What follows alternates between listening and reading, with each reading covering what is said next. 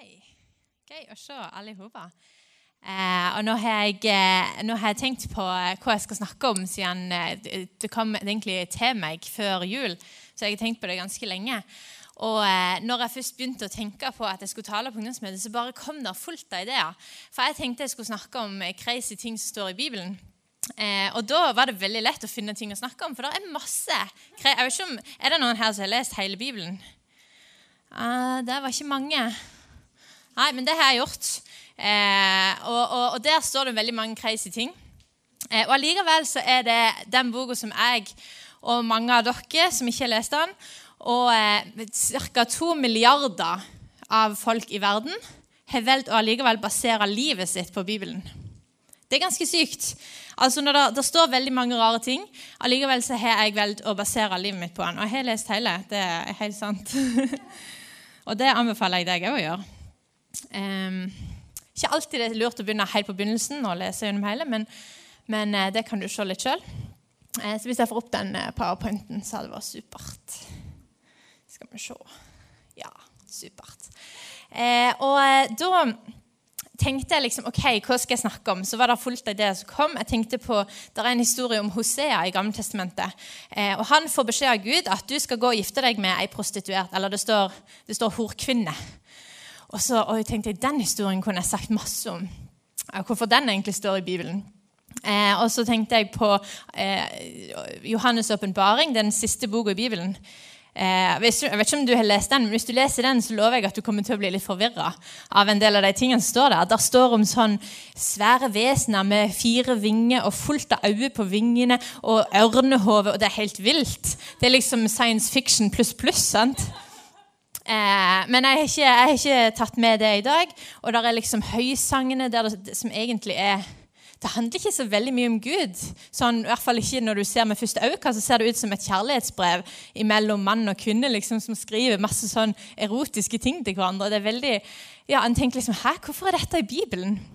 Eh, men jeg har da valgt meg ut eh, tre punkt, for jeg kunne ikke holde på å snakke til dere i 1000 år. Så jeg velger meg tre ting, noe fra Gamletestamentet og noe fra Nye. For du trodde kanskje at alle de galne tingene står i Gamle Testamentet, men de gjør ikke det. Det står faktisk sykt mye sprøtt i Nye Testamentet òg. Eh, så jeg tar ta med litt av det, da.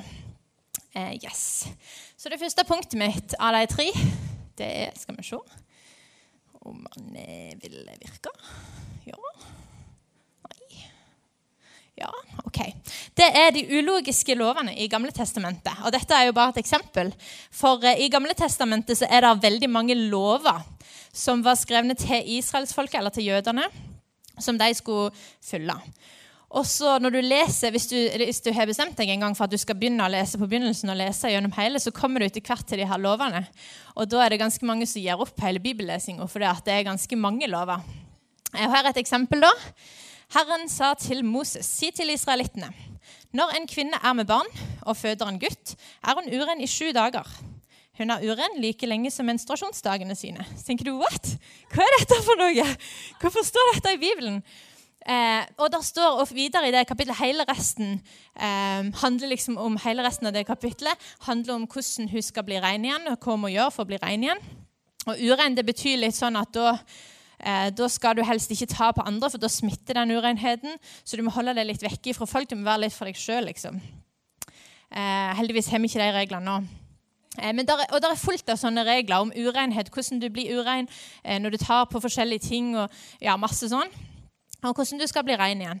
Og så er det et helt, Hele kapittelet etterpå handler om hudsykdommer, hvordan du skal takle det. Så der er det mye som du kanskje ikke trenger å lære. Men eh, ja, masse regler. Eh, og så er det to ting da som jeg vil si. For det, jeg kunne jo tatt liksom Eller nei, jeg kunne ikke tatt hver eneste regel og forklart for deg hvorfor har Gud skrevet den i Bibelen. For det er altfor mange lover og regler. Det hadde tatt liksom 1000 år.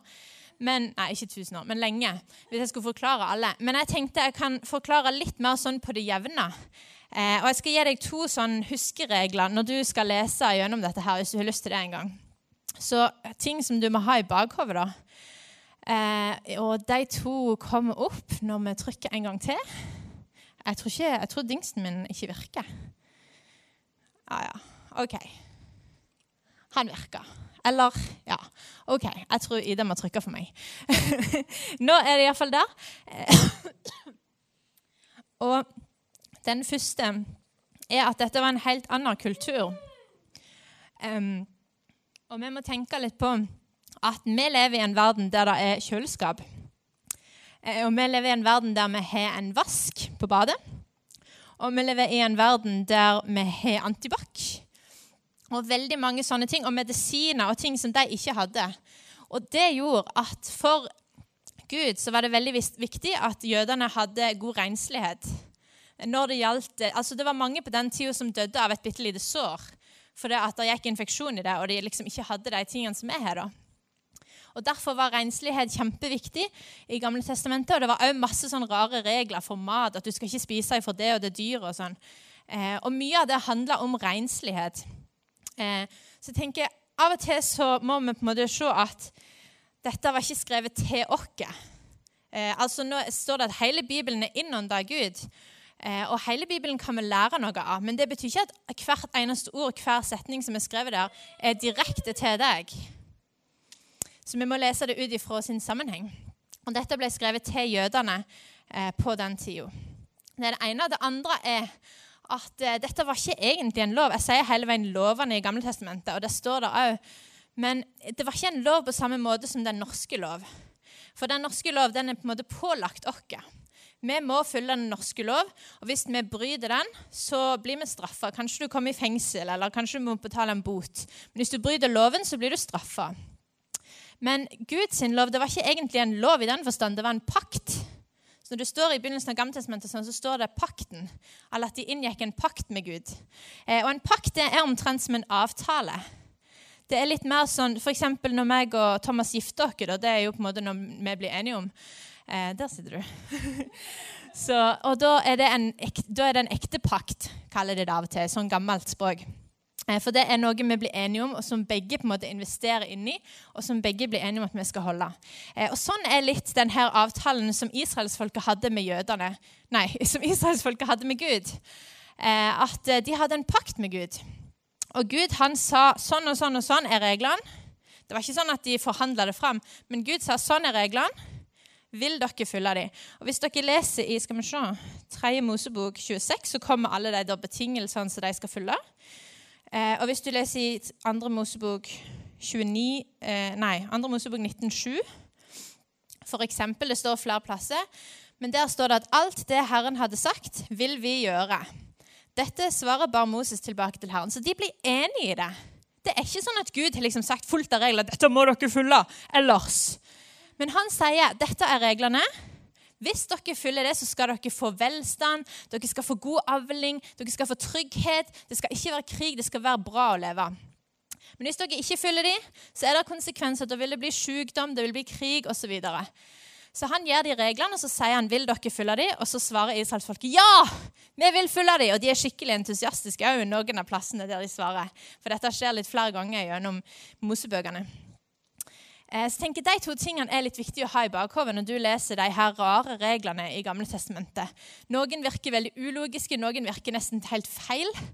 Eh, men ha litt i bakhodet det. Det er en annen kultur, eh, og det var en pakt som de gikk med på. Yes, neste.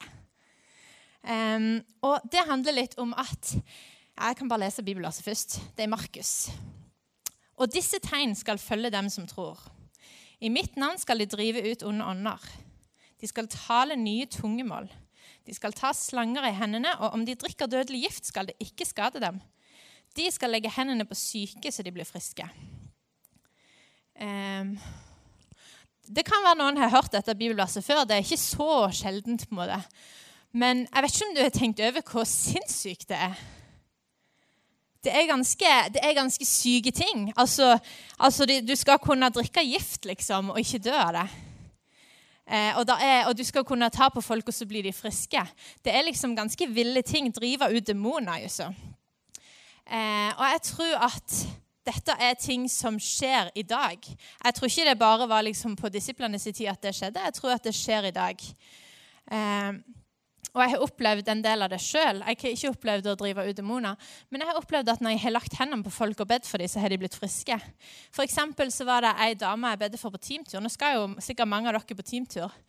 Eh, og Jeg var på teamtur, og da ba jeg for ei dame som hadde hatt nakkeproblemer. Jeg tror det var i 13 år. Det var iallfall sykt lenge. Eh, hun var så vond i nakken hele veien og gikk rundt med masse hodeverk og sånn fordi hun hadde så vondt i nakken. Og Så bedde vi for hun, og så ble hun helt frisk igjen. Og Det er ganske sykt å være med på. Og Vi hadde òg eh, ei her fra Haua som heter Henriette. Hun er søster av Ine, hvis noen kjenner hun. Eh, hun hadde røket korsbåndet i kneet, tror jeg det var.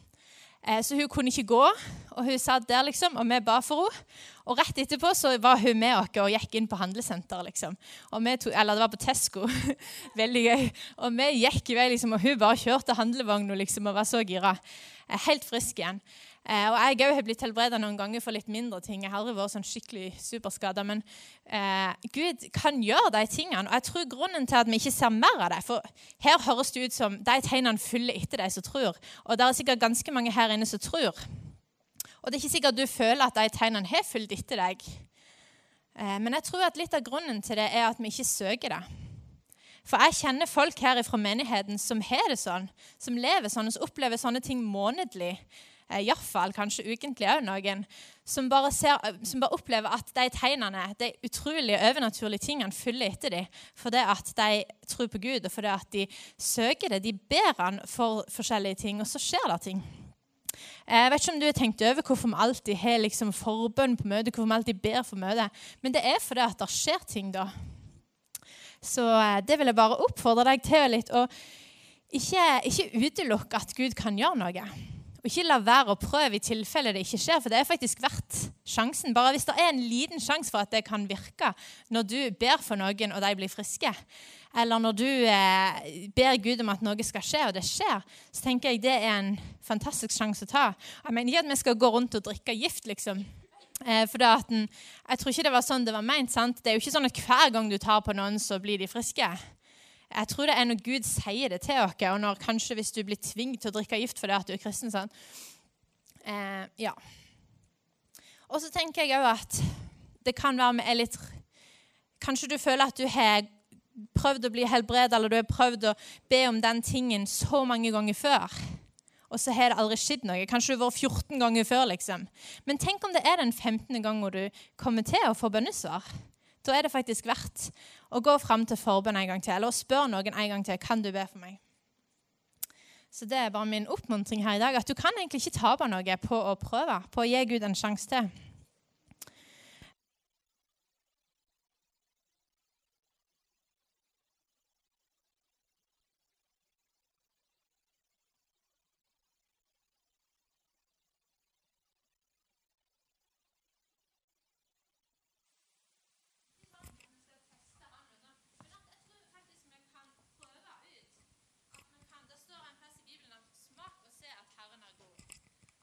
få lov til å se det. Se der.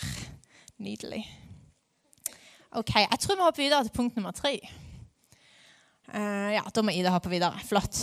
Er, da kan jeg lese Bibelen først. Det står også i Markus, Markus 11. Derfor sier jeg dere, alt dere ber om i bønnene deres, tro at dere har fått det, og dere skal få det. Det er jo ganske sykt, men det er ikke egentlig det jeg vil snakke om. For det har du sikkert hørt før. Mange ganger. For det er sånn typisk bibelvers som uh, vi kristne elsker. Eh, men resten er det ikke sikkert du har hørt før. Når dere står og ber og har noe å anklage en annen for, eh, så tilgi ham, for at deres far i himmelen kan tilgi dere misgjerningene deres. Men om dere ikke tilgir, skal heller ikke deres far i himmelen tilgi deres misgjerninger. Det er ganske sterke ord. Eh, og vi kristne vi er litt redd for kanskje å si de tingene høyt, som er litt sånn krasse i Bibelen. Som er litt sånn oh, vonde. For det, at, eh, det er kanskje ikke så rart, for det er mange som tenker at vi er så dømmende. Og jeg har hørt det mange ganger, at vi er så dømmende. Men jeg tror ikke at vi skal være så redd for å si ting sånn som de er. For Jesus sier det. Han sier at hvis ikke du tilgir, så kommer ikke du heller til å bli tilgitt. Og det er ganske sterke ord, Jusso. Um, men jeg tror ikke at det, det var meningen at vi skulle bare plukke ut de positive bedene fra Bibelen og bare tro på det som vi tenker å, det var så fint og flott og herlig å høre på. Men, men, jeg tror vi må tro på hele pakken. For jeg, eller Gud velger å ha alt det i Bibelen. Så jeg tror vi må tro på hele greia. Eh, og kanskje er du litt sånn som jeg var. Eh, at jeg følte jeg egentlig var veldig god å tilgi. Eh, for eh, det var liksom ja, Kanskje noen kommer seint, og så tenker du ja, ja, jeg skal være koselig med dem allikevel. Og, og da tilgir jeg dem, og det er ikke så vanskelig, egentlig. Eller kanskje det var ei venninne av meg som hadde eh, sagt noe stygt om meg, og det, det, stikker jo skikkelig, men så tilgir du dem.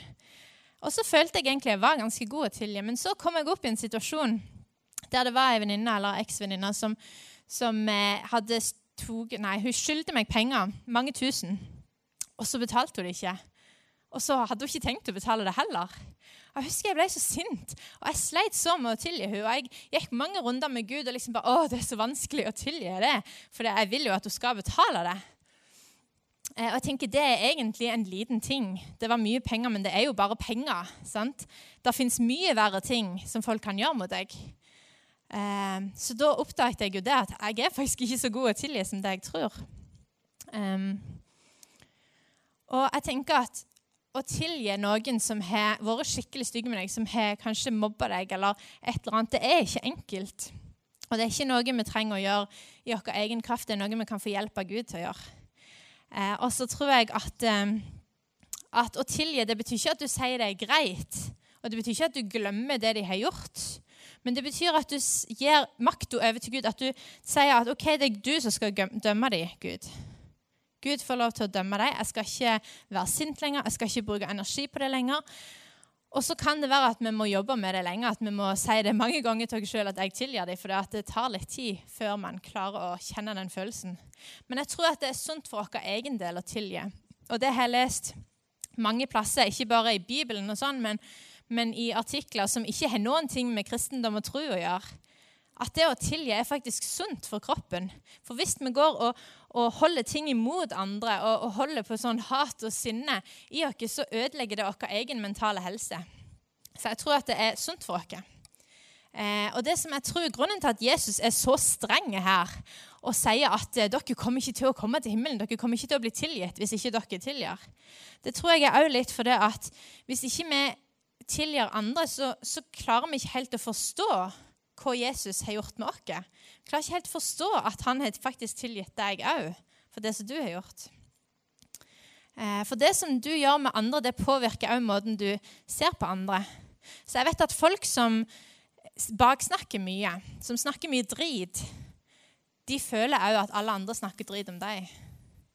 Men hvis du, går, hvis du går og snakker positivt om alle, Eh, og hvis du prøver alt ditt beste, så tror du òg at alle andre prøver det beste. Selvfølgelig er det noen ganger det ikke stemmer, men, men, det er faktisk sånn at det påvirker deg. Måten du behandler andre, det gjør at du ser andre på en annen måte. Så jeg tror at når vi tilgir, så, så har vi også lettere for å ta imot Guds tilgivelse. Yes. Da kan vi ta neste en gang til. Eh, det var de tre punktene mine.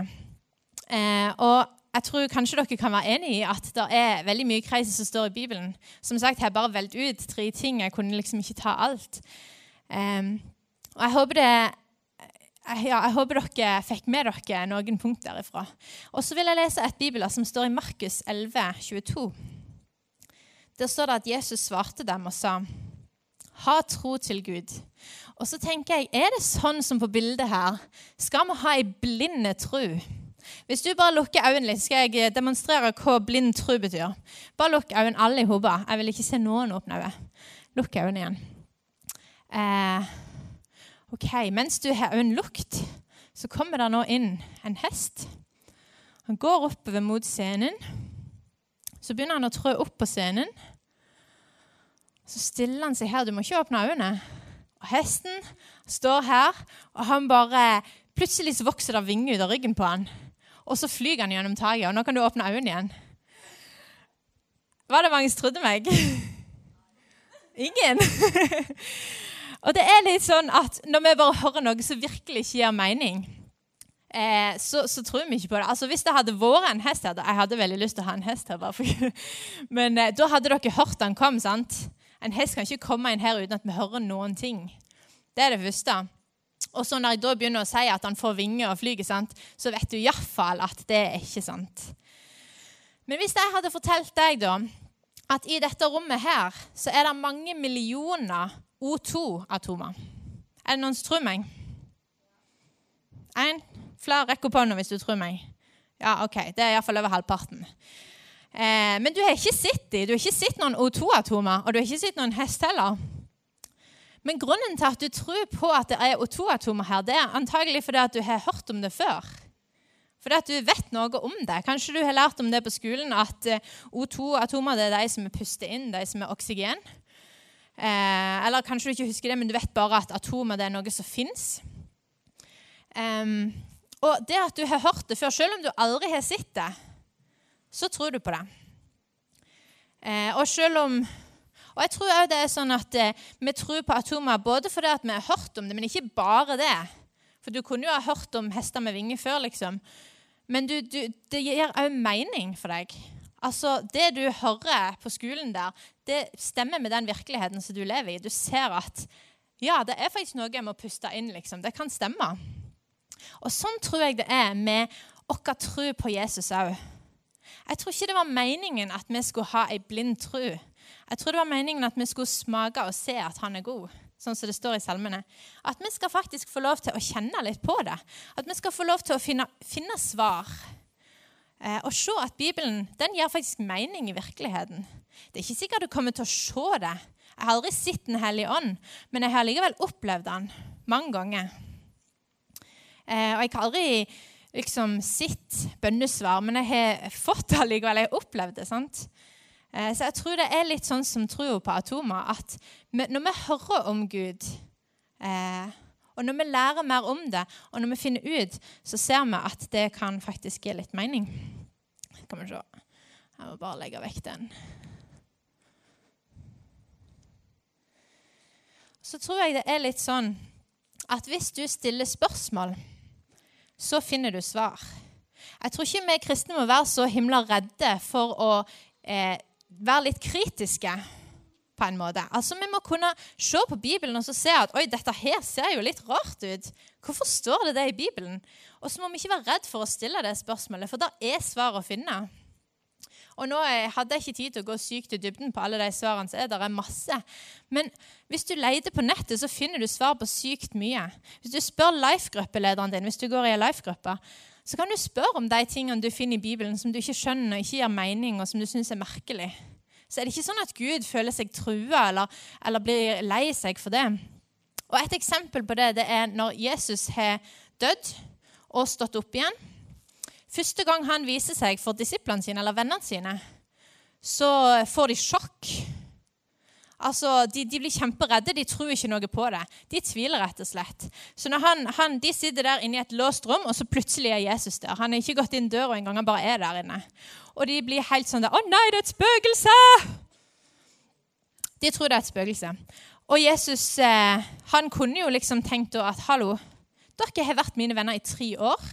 'Jeg har sagt jeg skal dø, jeg har sagt jeg skal stå opp igjen, og nå gjør jeg det.' Og så tror dere jeg er et spøkelse, liksom.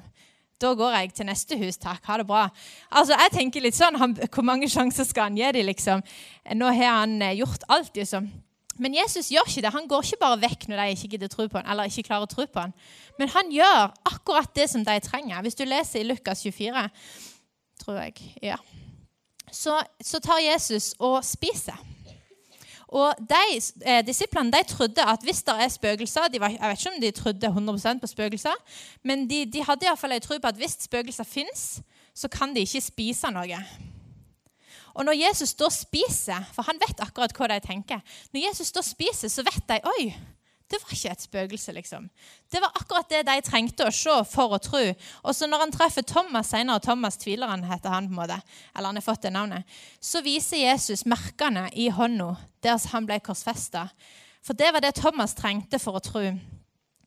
Eh, og jeg tror at Hvis du tviler, hvis du ikke skjønner det som står i Bibelen, eller syns det er rart, eller ikke forstår, så, så tror jeg at hvis du tar med den tvilen din til Jesus, så kommer han til å vise deg akkurat det du trenger for å tro. Vi må ikke være redd for å komme med sånn tviltanker til han, for han er ikke redd for det. Han har lyst til å vise deg, han har lyst til å forklare deg, og han har lyst til å vise. Men av og til så må vi søke det litt. Så må vi lete litt, grave litt, eh, søke litt på nettet. Kanskje spørre forskjellige folk. Kan være du spør life-gruppelederen din, og så vet ikke de svaret. Hvis du har en veldig flink life-gruppeleder, så spør de noen andre igjen. Men kanskje ikke. Kanskje må du finne noen andre å spørre. Så jeg tenker Vi må ikke bare gi oss etter ett forsøk, for det er svar å finne eh, på det som du lurer på. Yes. Vi skal gå mot en avslutning, så lovsangstimen kan bare komme opp. Eh, og nå har jeg snakket om mange forskjellige ting. Eh, og jeg håper liksom at du har fått med deg noe selv om Nå har jeg snakket om veldig mange forskjellige tema. da, Tilgivelse og eh, tro og alt mulig, liksom. Men jeg håper at du sitter igjen med én ting, at det er én ting som du husker igjen. Kanskje du har, har, lyst til å lese Bibelen med et litt åpnere hjerte. At du ikke er så redd for de der vanskelige tingene. Eller kanskje du har tatt et valg om at du vil finne ut litt hva du faktisk tror på. Um, kanskje du vil oppsøke noen av de overnaturlige tingene som er i vår kristne tro. Uh, eller kanskje du har, funnet, eller blitt minnet på noen som du trenger å tilgi. Men uansett hva det er Gud minner deg på, så har jeg bare lyst til at du skal ta litt tak i det og legge det på en måte i hjertet ditt. Det står at når Maria, mammaen til Jesus, uh, når hun hadde snakket med engelen, så står det at hun uh, gjemte det i sitt hjerte tenker Det kan vi òg gjøre når det er sånne ting som Gud minner oss på. For det, Hvis ikke så er det så lett at vi glemmer det, at det bare forsvinner. Men jeg tror at når Gud vil si noe til deg, så er det noe som kan gjøre en forandring i livet ditt. Så ta vare på det lille glimtet av noe som jeg har sagt, eller noe du har tenkt på underveis. Og ikke glem det. Eh, og Nå kommer det til å bli en litt sånn annerledes eh, del av møtet på slutten her. Vi skal ikke gjøre det helt likt sånn som vanlig. Eh, og jeg vet Noen syns det kan være litt sånn ubehagelig og merkelig og skummelt, men Eh, jeg vil ikke at du skal gjøre noe som du føler deg pressa til. Ikke fra meg, og ikke hvis du føler deg pressa fra deg på sida av deg, eller noe sånt. Men bare Jeg tror Gud vil at du skal føle deg fri til å gjøre det som du ønsker. Um, så lovsangsteamet kommer til å synge litt. Og så er det fire forskjellige poster. Ida, da kan du ta neste. Så er det fire forskjellige poster du kan gå innom. Uh, den ene er at du kan være med og lovsynge, og det pleier vi jo egentlig alltid å gjøre etter etter en tale sånn. Men jeg vil bare at du skal tenke litt på den tida. At det ikke bare er at du står og hører på de som lovsynger på scenen, men at du er med, enten å prise Gud i hjertet ditt, eller med ord, eller ja, en eller annen måte. Eller at du bare står og lytter litt til Gud. Faktisk hører eh, i hodet ditt holdt jeg på å si, om Gud har noe han vil minne deg på. Det er den ene tingen. Det kan du egentlig gjøre akkurat der du står. Og så stasjonen, eller eh, post nummer to, det er forbønn. Eh, da kommer det til å stå noen forbedere borti hjørnet her eh, som har lyst til å være med og be for deg hvis det er noe du trenger forbønn for. Det kan være noe som er litt vanskelig.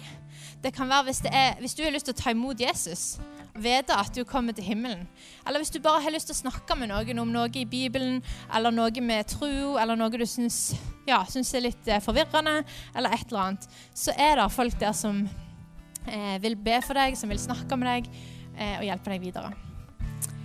Eh, nummer tre er spørsmål. Eh, da kan du skrive spørsmål på en lapp. Hvis, for nå handler jo denne talen litt om det å stille spørsmål, eh, og ikke være redd for det. Så hvis du har noe du lurer på, så kan du skrive det på en lapp, så går, går de lappene til talertime. Så kan vi se om det er noe vi trenger eller skal snakke om, noe dere lurer på som vi skal snakke om her. Eller hvis du bare har et forslag til tema som du syns vi bør snakke om på et ungdomsmøte så er det fullt lov. De lappene skriver dere på det lille runde bordet der, og så legger dere opp i den postkasseboksen. Så går de til talertime. Nummer fire, denne herrene, det er å tenne et lys for noen som du bryr deg om. Kanskje du har en venn som eh, trenger litt forbønn, trenger at noen tenker på han eller hun. Eller kanskje det er noen i familien din som du ønsker skal bli kristne eller et eller annet annet, noen du vil be for. Vi har egentlig alle noen som vi tenker Jeg tror iallfall det. At alle har noen de tenker den skulle jeg bedt for. Og Da kan du tenne et lys på en måte for å symbolisere den personen. At den skal du be for. Så må du huske også når du er der, å be for den. Og så skal vi ledere som er òg be for alle de lysene som er tent etterpå. Så ja, nå blir det litt sånn fri eh, stemning her. alle reiser seg opp bare nå. Og så kan du egentlig gå litt rundt på de stasjonene du vil, eller du kan stå der du er og bare lovsynge. Eh, men føl deg fri til å gå på en av stasjonene, gå på alle stasjonene. Eh, det som du føler for.